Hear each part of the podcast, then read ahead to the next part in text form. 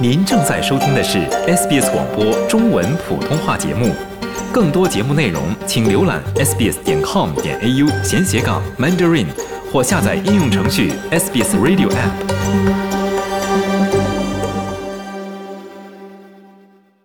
从法律角度看待社会现象，以专家意见指点生活迷津。请听现场说法。现场说法，您了解法律、咨询问题的空间。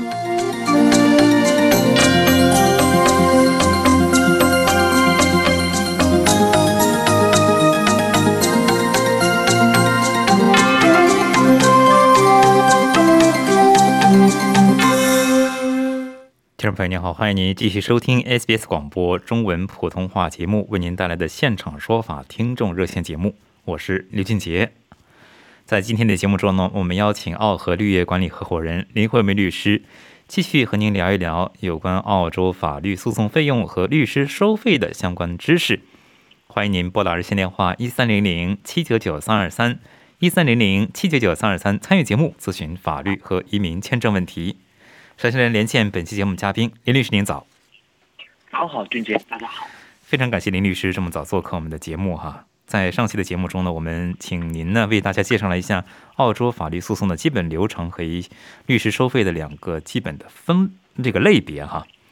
嗯，接下来我们继续想请您给我们介绍一下哈，就是说在澳大利亚，比方说如果请律师费用的请律师的话哈，大概怎么去算钱呢？比方说一小时怎么收费？哎，好的，没问题。我想这个可能是大家遇到，比如说法律问题啊，想去做咨询或者想去解决法律问题当中一个很大的担心。除了这个问题本身，大家就会考虑我解决这个问题的成本和路径大概是多少。那么律师费呢，就是解决成本当中的一部分的这个组成。也就是说，我想去打仗，想去诉讼，我请兵，我请将，我请养帅，我大概要产生多少的费用等等。那么，澳洲律师的收费啊，通常呢是分为呃三大类。第一大类呢，我们叫做固定收费；第二大类呢，我们叫做按时收费；第三大类呢，是有时候呃有些呃朋友们可能会在广告上啊，或在开车的时候在路边看到啊，叫做 No Win No Fee，不赢官司不收钱。这三个收费标准，我们今天一起把它给捋一捋啊。嗯。那第一种呢，就是最长而呃最最多见的，叫做固定收费。那么固定收费呢，通常是用于案件的工作量比较好估算的案件，比如说交通违章的处理啊、房产过户啊、生意买卖啊、某些呃标准合同的起草啊，这些通常会采用固定收费的方式。律师呢会根据法律服务的难易程度。来估算一个可能花费的工作时间，并且给出报价。嗯，那按时收费呢，可能就会多用于纠纷或者诉讼了，因为主要原因呢，是因为这样的案件工作量，它其实很难的去预估。因为诉讼的话是双方往来嘛。假设今天我们发一封律师信，或者我们要去起诉，对方不回复，或者对方不回复这个抗辩书，那或者对方要求和解。就不反击的话，那其实它整一个工作量就会发生一个变化。所以呢，案件双方的意向、行为和案件本身的复杂程度呢，也会影响到这个案件的进程。嗯，通常呢，律师就会在诉讼案件当中呢，给予客户一个基本的费用的一个区间。那这样呢，采用这个按时时按时计费或者按阶段性的去收费和结算费用的客户，可能更加容易接受一些。对呀，其实您刚才提到的这个按时计费或者给出一个价格的区间哈，一般来说我们都知道这个这个时间就是金钱嘛。以律师的时间来算，他们这个时间每小时的工资或者每天的工资大概有是个什么范围？您您有了解吗？没问题，这个就等于是客户想了解或者听众朋友们想了解一个行业的一个标准一样，说哎，你们律师会收费很高啊，一年应该赚很多吧之类之类之类的。对对对。大多数的律师的收费呢，往往是在三百到呃，我们这里说的律师是 solicitor 啊，事务律师。嗯，事务律师往往是在三百到六百之间，最低的可能也不会低于两百。那一般的律师助理呢，可能是在两百左右。那出庭律师 barrister 呢，他们往往是在三百到八百之间都有。那嗯还有一个更加高级的 barrister 当中的一个定义或者荣誉呢，叫做 Queen's Counsel QC，就是专门给女王去做案件、去做诉讼的这一帮非常有经验的出庭律师，他们可能每小时会达到两千到三千澳币不等。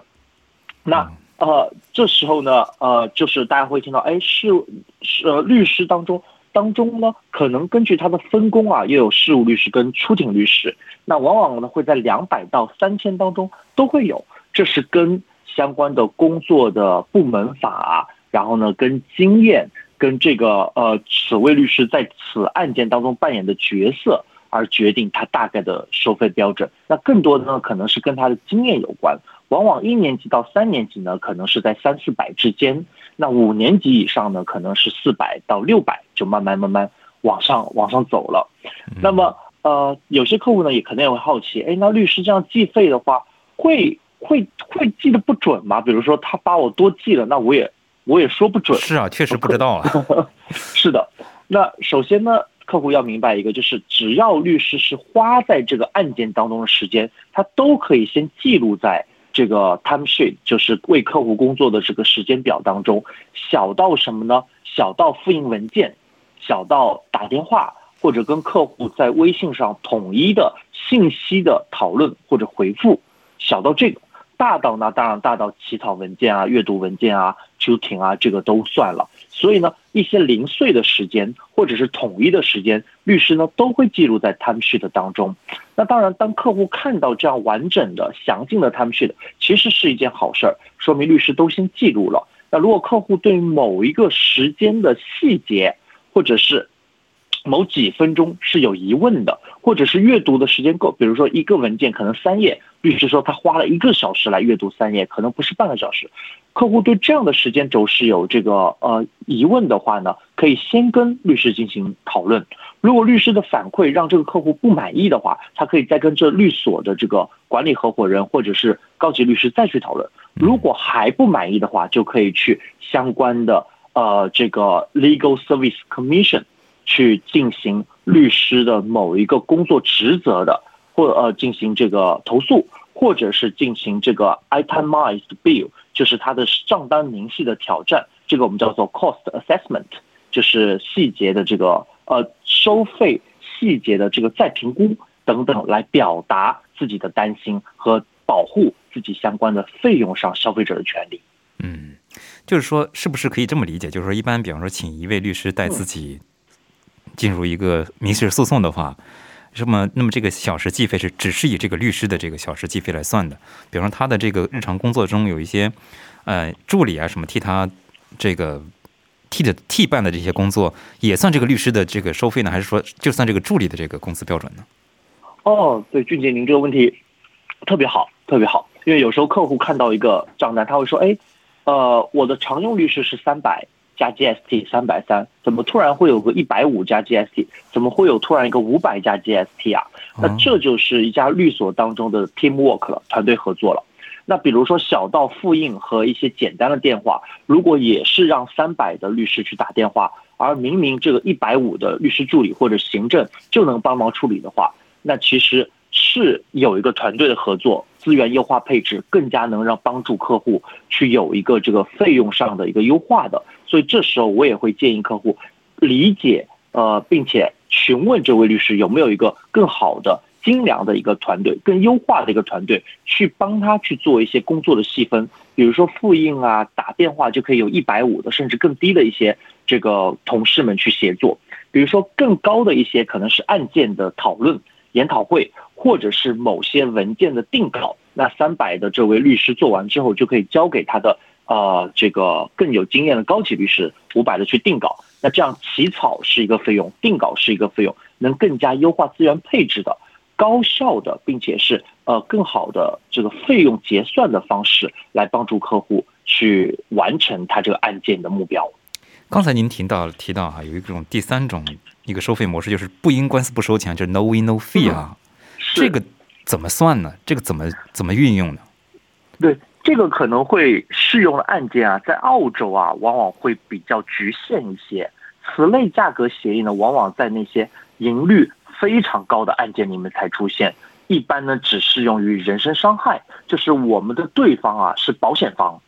保险方，比如说车祸啊理赔啊、工伤理赔啊、意外事故理赔啊。那这种情况下，律师的客户基本上就是受伤方嘛。那既然是受伤方，在做过评估，律师的评估之后，基本上都会有对应的对方而承担一定的赔偿责任。那如果对方是有保险公司的话，其实这个胜率是相对较高的。事务所呢，可能也因为不赢官司不收钱这样的收费标准而承担一定的这个风险。但是呢，呃，如果是，但是呢，律师在接这样的案件之前，一定是做过非常的呃这个精准的这个评估，来觉得这个案件成功率确实很高，才会进行这个接洽。但大家一定要注意哦，在这样的这样的案件的收费标准情况下，如果客户输了官司，也有可能要求支付对方的一部分律师费的。哦这就是我们对我们在诉讼里讲的，就是你胜诉的，你呃败诉的要支付胜诉方的律师费。也就是说，假设在官司当中，我我们的客户败诉了，不用付自己的律师费，但依然有可能要支付对方的律师费，这个一定要注意。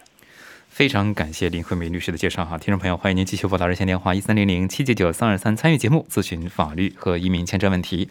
接下来我们来接听听众电话，这位是是陈先生还是陈先生？陈先生你好，呃，我是陈先生。哎，陈先生您好。啊，对对，我经常打电话过来的。哎我其实想问问，嗯呃呃，律师呢，嗯，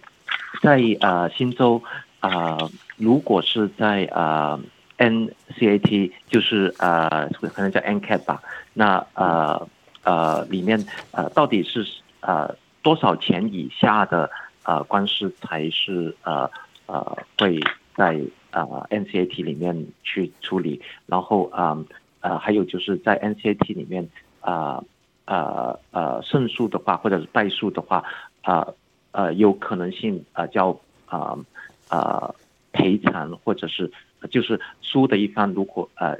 呃有没有可能是赔可以赔会赔偿啊、赢的那一方的律师费的？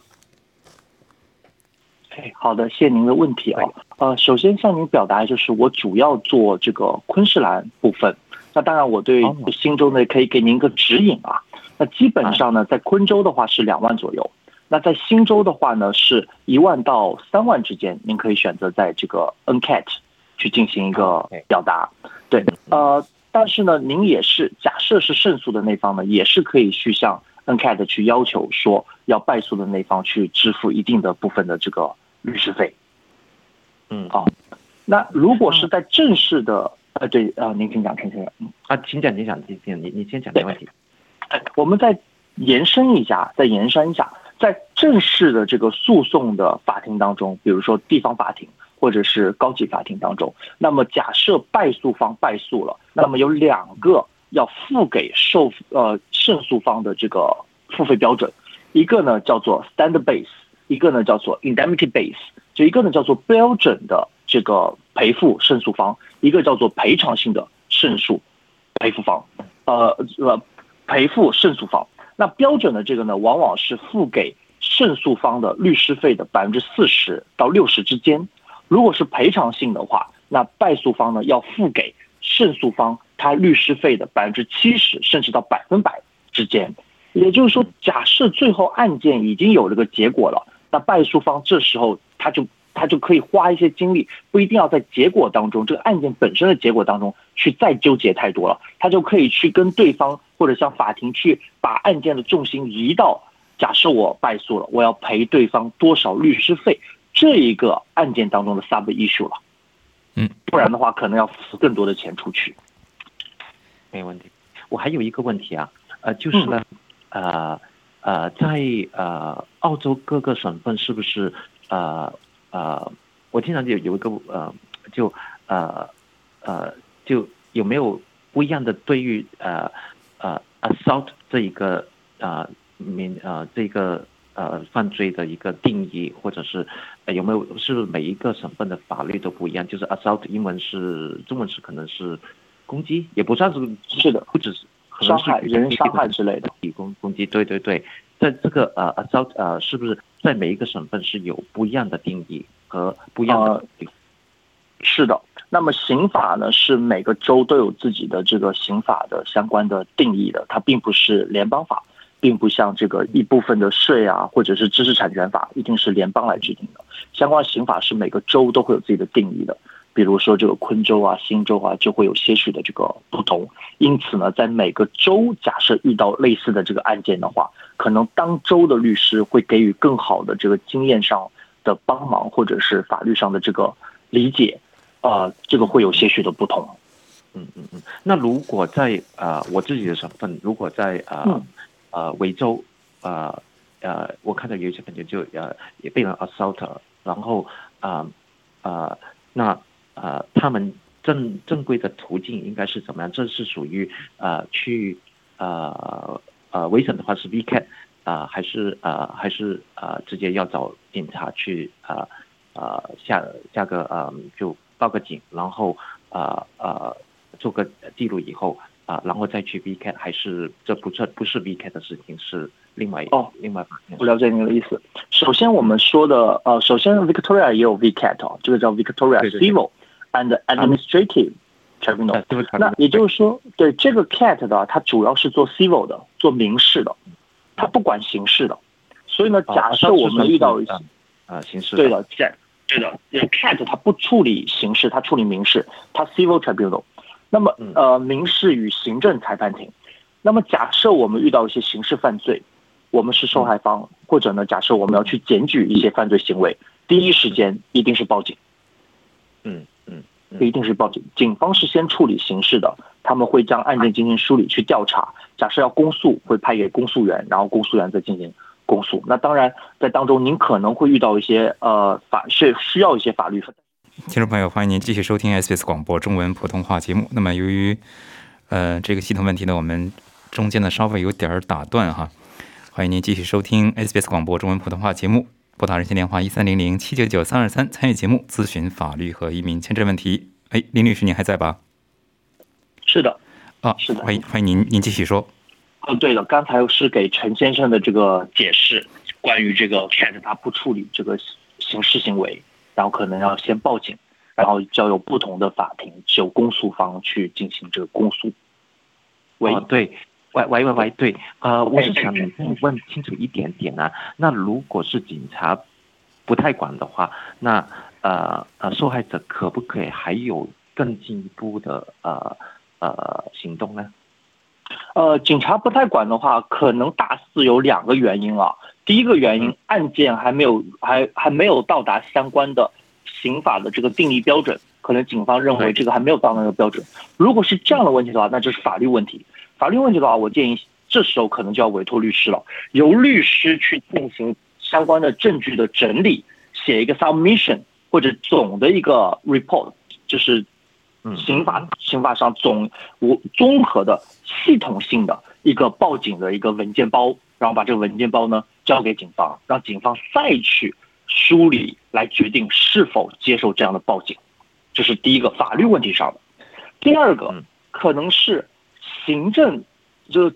警方当中，行政内部他还没有处理到这样的案件，或者他还没有给予到这样的优先级，或者呢是他还在其他的，或者呢是他在案件当中当中他在调查了，但是还没有一定的结果给予到这个相关的报警方等等，只是这可能是另一个调查进程的问题了。嗯嗯嗯，OK，没问题。有些。有些案件，检方是会给予实时的更新的；有些案件，警方是不会给予实时的更新的。嗯嗯嗯，那就是说，如果警察真的不管的话，那是不是啊啊，受害者的一方可以进一步的采取啊法律行动，就是去控告啊？如果对，理解陈先生，如果警方实在不管的话呢，那就是表示他可能没有达到一定的入刑的这个标准，刑法定的标准。但如果此时这个案件也给受害方造成了一定的民事赔偿，比如说人身伤害，比如说侵权，比如说财务损失，那这时候依然可以通过民事行为来主张。哦，但就不是刑事了。嗯，对，啊，可以要求别人。但是如果警方不提供对方的，就啊加害者的那个。呃，联系方式或者名字啊，那那那怎么办呢？那就需要自己去调查了，就是回到普通民事诉讼的谁主张谁举证的这个举证责任了。OK，明白，可以。嗯，好嘞，谢谢陈先生，祝您顺利。听众朋友您好，欢迎您继续收听 SBS 普通话为您带来的现场说法听众热线节目。刚才呢，林慧梅律师为您介绍了在澳大利亚诉讼法律费用和律师收费的相关知识。欢迎您继续拨打热线电话一三零零七七九三二三参与节目咨询法律和移民签证问题。接下来我们继续接听听众电话，这位是 Susan，Susan 您久等了。喂，你好，主持人好，律师好。啊，是这样，嗯、我先把我那个想咨询的问题大概说一下。啊，就二零二一年的时候，墨尔本那时候疫情很严重，然后就是封锁、解封再封锁再解封，就是我曾经利用就是那个间隙的时候，呃，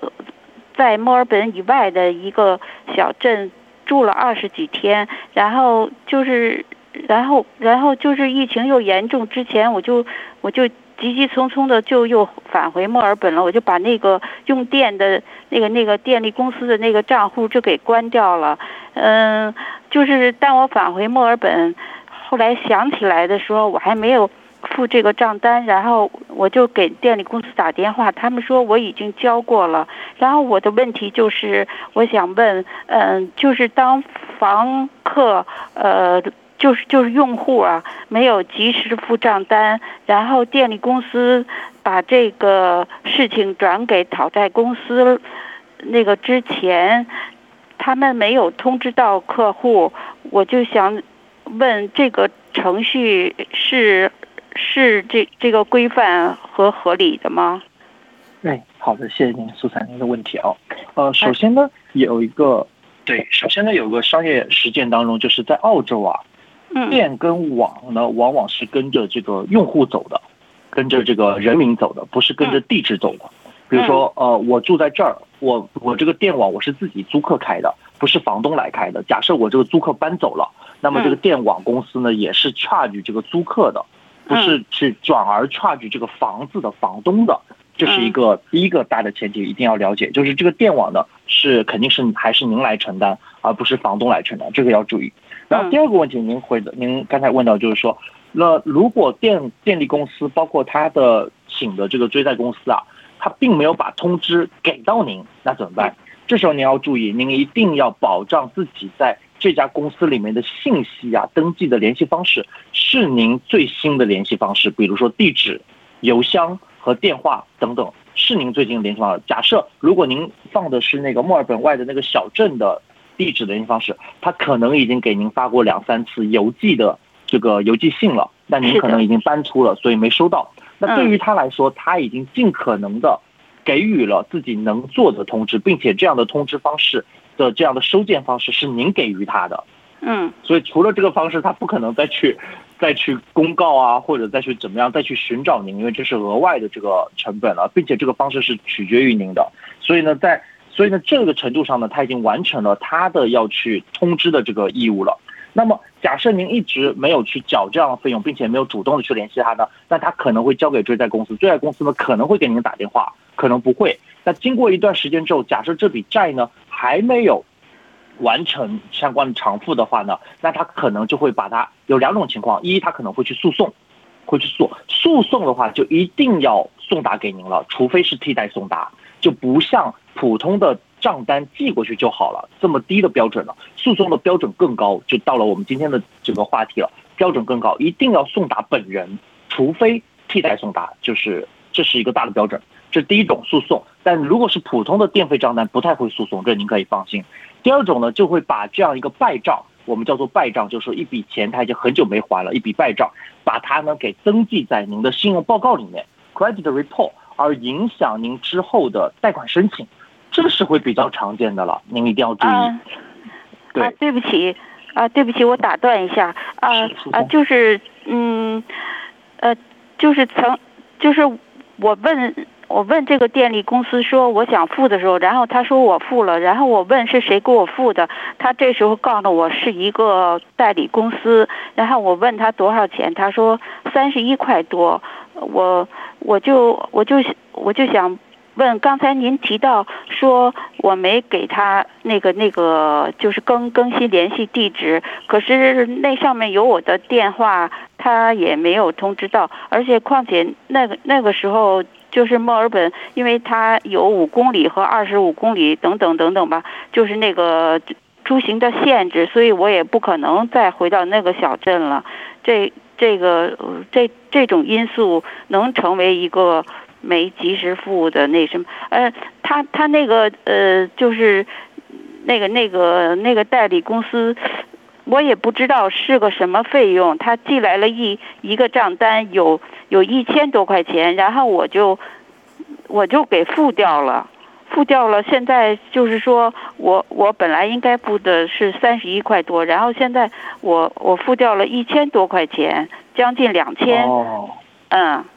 好，那这可能是呃，当我没有看到这张账单之前啊，我自己的猜测可能是这个追贷公司它产生的额外的费用，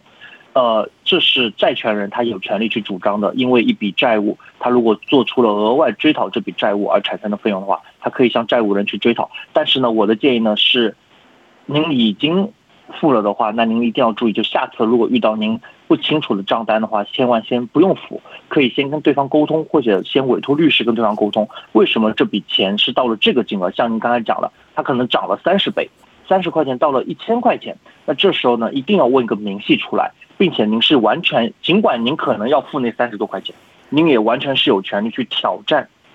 额外的这笔费用的。呃，这笔挑战呢，本一个方面在他们本身的工作本身值不值这么多钱，另一个方面还要考虑到当时的现实情况，像您说的疫情的限制啊，包括通知的这个送达接收啊等等，这是案件本身的一个呃一个抗辩，再加上对他本身的工作费用的一个质询，这些都可以让您去挑战他的账单，不不会轻易的接受他三十多倍的一下子的账单的这个高达三十多倍的这样个情况的。啊、好，谢谢。另外，我还还有一个要补充的情况，请您帮嗯我参谋参谋，就是他给我呃。就是曾经寄来这个账单，我并不知道上面是什么，他也没说他是讨债公司，他也没说我要付的那个东西是是是电费，也没说是什么时间段，然后也也没说是什么地址，然然后我当时就稀里糊涂的就就和好多账单就都一块儿交了。啊，这嗯这种情况，因他要说出来是什么，那我就会留意了。他上面也没说，我就以为可能是我其中的某某一个那个那个地方的。对了理，解这方面您可以注意两点。第一点呢，就是呃，您可以请委托律师或者寻求这个公益法院去看一下这样的账单，去解读一下这样账单，先让您更加完整的去理解这个账单的内容。或许它写在某个地方，可能我们一下子在初步阅读的时候没有理解等等，这是我觉得电话号您第一个可以去做的。第二个可以做就是说，假设我们充分的阅读理解了这样账单之后呢，我们不太能接受他一千多块钱的请款的话，那第二步就是挑战他的账单了。就是尽管我已经付了，但是我依然有权利去挑战他的账单，要求一些退款。啊，可是现在这个事情已经已经发生了，这个况且这份账账单我我也找不到了，这种情况您有什么好好建议吗？呃，如果我们一定要去追的话，您可以回到当时的电力公司，让他告诉您当时他把这笔债务处委托给了谁去处理，这样顺藤摸瓜去拿到更多的信息，或者啊回到您的银行账户去看一下这笔钱是付到了哪个公司，也可以拿到一些信息来定位这个收款方。那那现在这个电力公司，他反过来让我提交我曾经交过费用的这份账单，我我现在我暂时一时半会儿找不到了，那我我那个我呃那理解。那有一个您一定要有思想准备，就是您作为这个相关法律行为的方起方，基本的材料您还是需要有的。因为像我们刚才讲到说，民事行为基本上谁主张谁举证嘛。那基本的材料，比如说您的付费账单啊，嗯您当时跟他呃邮箱里签订的，或者他发来的电力委托合同啊，就基本的信息您还是要有的。好。好嘞，嗯，是的。谢谢思散，祝您顺利。那么像呃林律师，像刚才思散这个案例中哈、如果比方说呃找这个律师解读这个账单的话，嗯、有哪些是比较经济实惠的呢？对普通用户来说，呃，是的，谢谢您。那这个正好又回到我们今天的这个话题当中。呃，对于这个呢，客客户一般有两个选择，第一个呢就可以到社区去寻求免费的法律援助，嗯第二个呢也可以去找一些，因为整个金额大概是一千多嘛，去找律师。律师呢也分为两两种收费，在这时候，第一种呢是初次的十五分钟到三十分钟的免费咨询去解读，哦但可能不会解读的太深啊。然后或者呢是直接委托律师一个小时，可能律师就会在这一个小时当中把整一个案情去了解，给予实质的落地的建议。这可能会跟免费的咨询跟收费制还会有相对的深度的不同。好嘞，谢谢林律师。接下来我们继续接听听众电话，这位是王先生，王先生久等了。喂，喂，是我吗王？先生是您，您请讲。哎，我想问的问题这样：我们画图被市政府被这个邻居市政府批准啊，市政府事前都都按照他的要求做了，嗯，而现在有邻居起来反对，那市政府又不批的，我们要上 WeCat。我想请教一下，这上 WeCat 我们询咨询了一下，一万、两万到三万的这个报价，那么我们怎么样去选择这个 WeCat 的这个这这个价格和这个质量有没有什么关系？请这个律师讲一讲。哦，谢谢您，王先生。您说的报价是谁给您的报价？谁收取的这个价？哦、应该是这个画图的，他请教这个请请他这个律师的报价报，就上 V 开的律师应该是这样情况，应该是是不是那个 town planner 上 V 开？呃，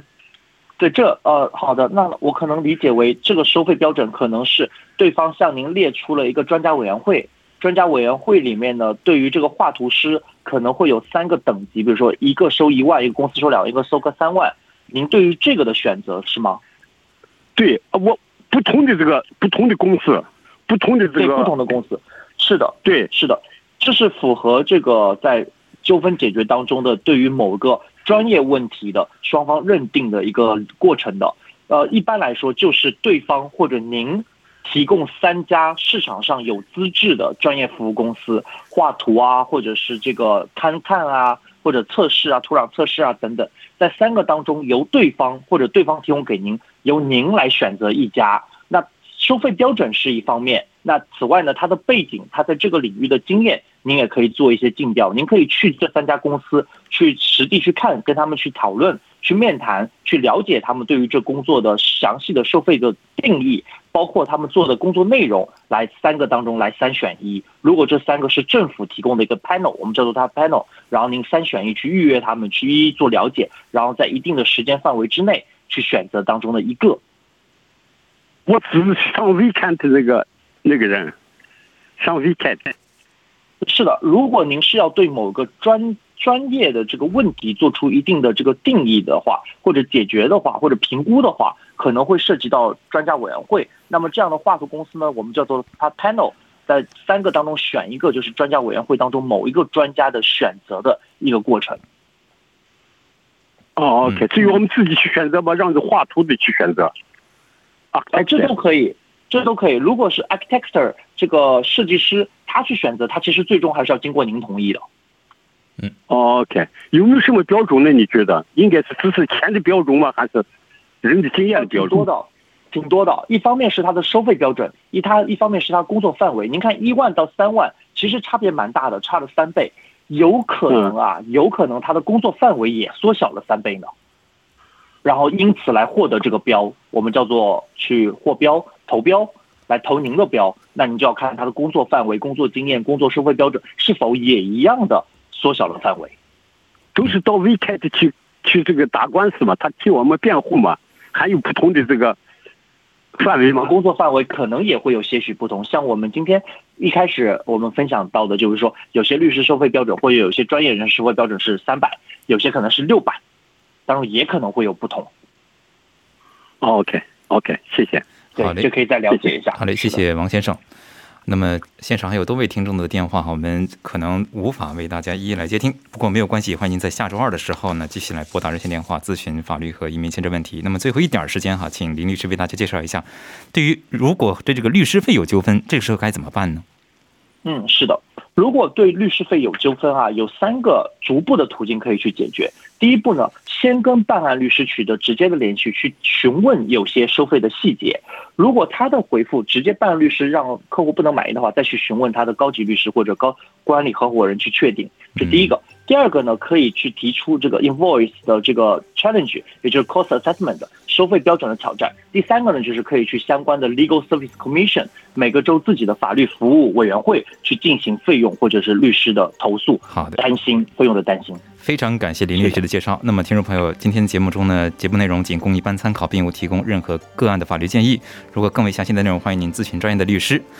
那么，以上就是今天两个小时的中文普通话节目。我是刘俊杰。想听到更多这样的故事吗？您可以通过苹果播客、谷歌播客、Spotify，或者您喜爱的方式下载收听。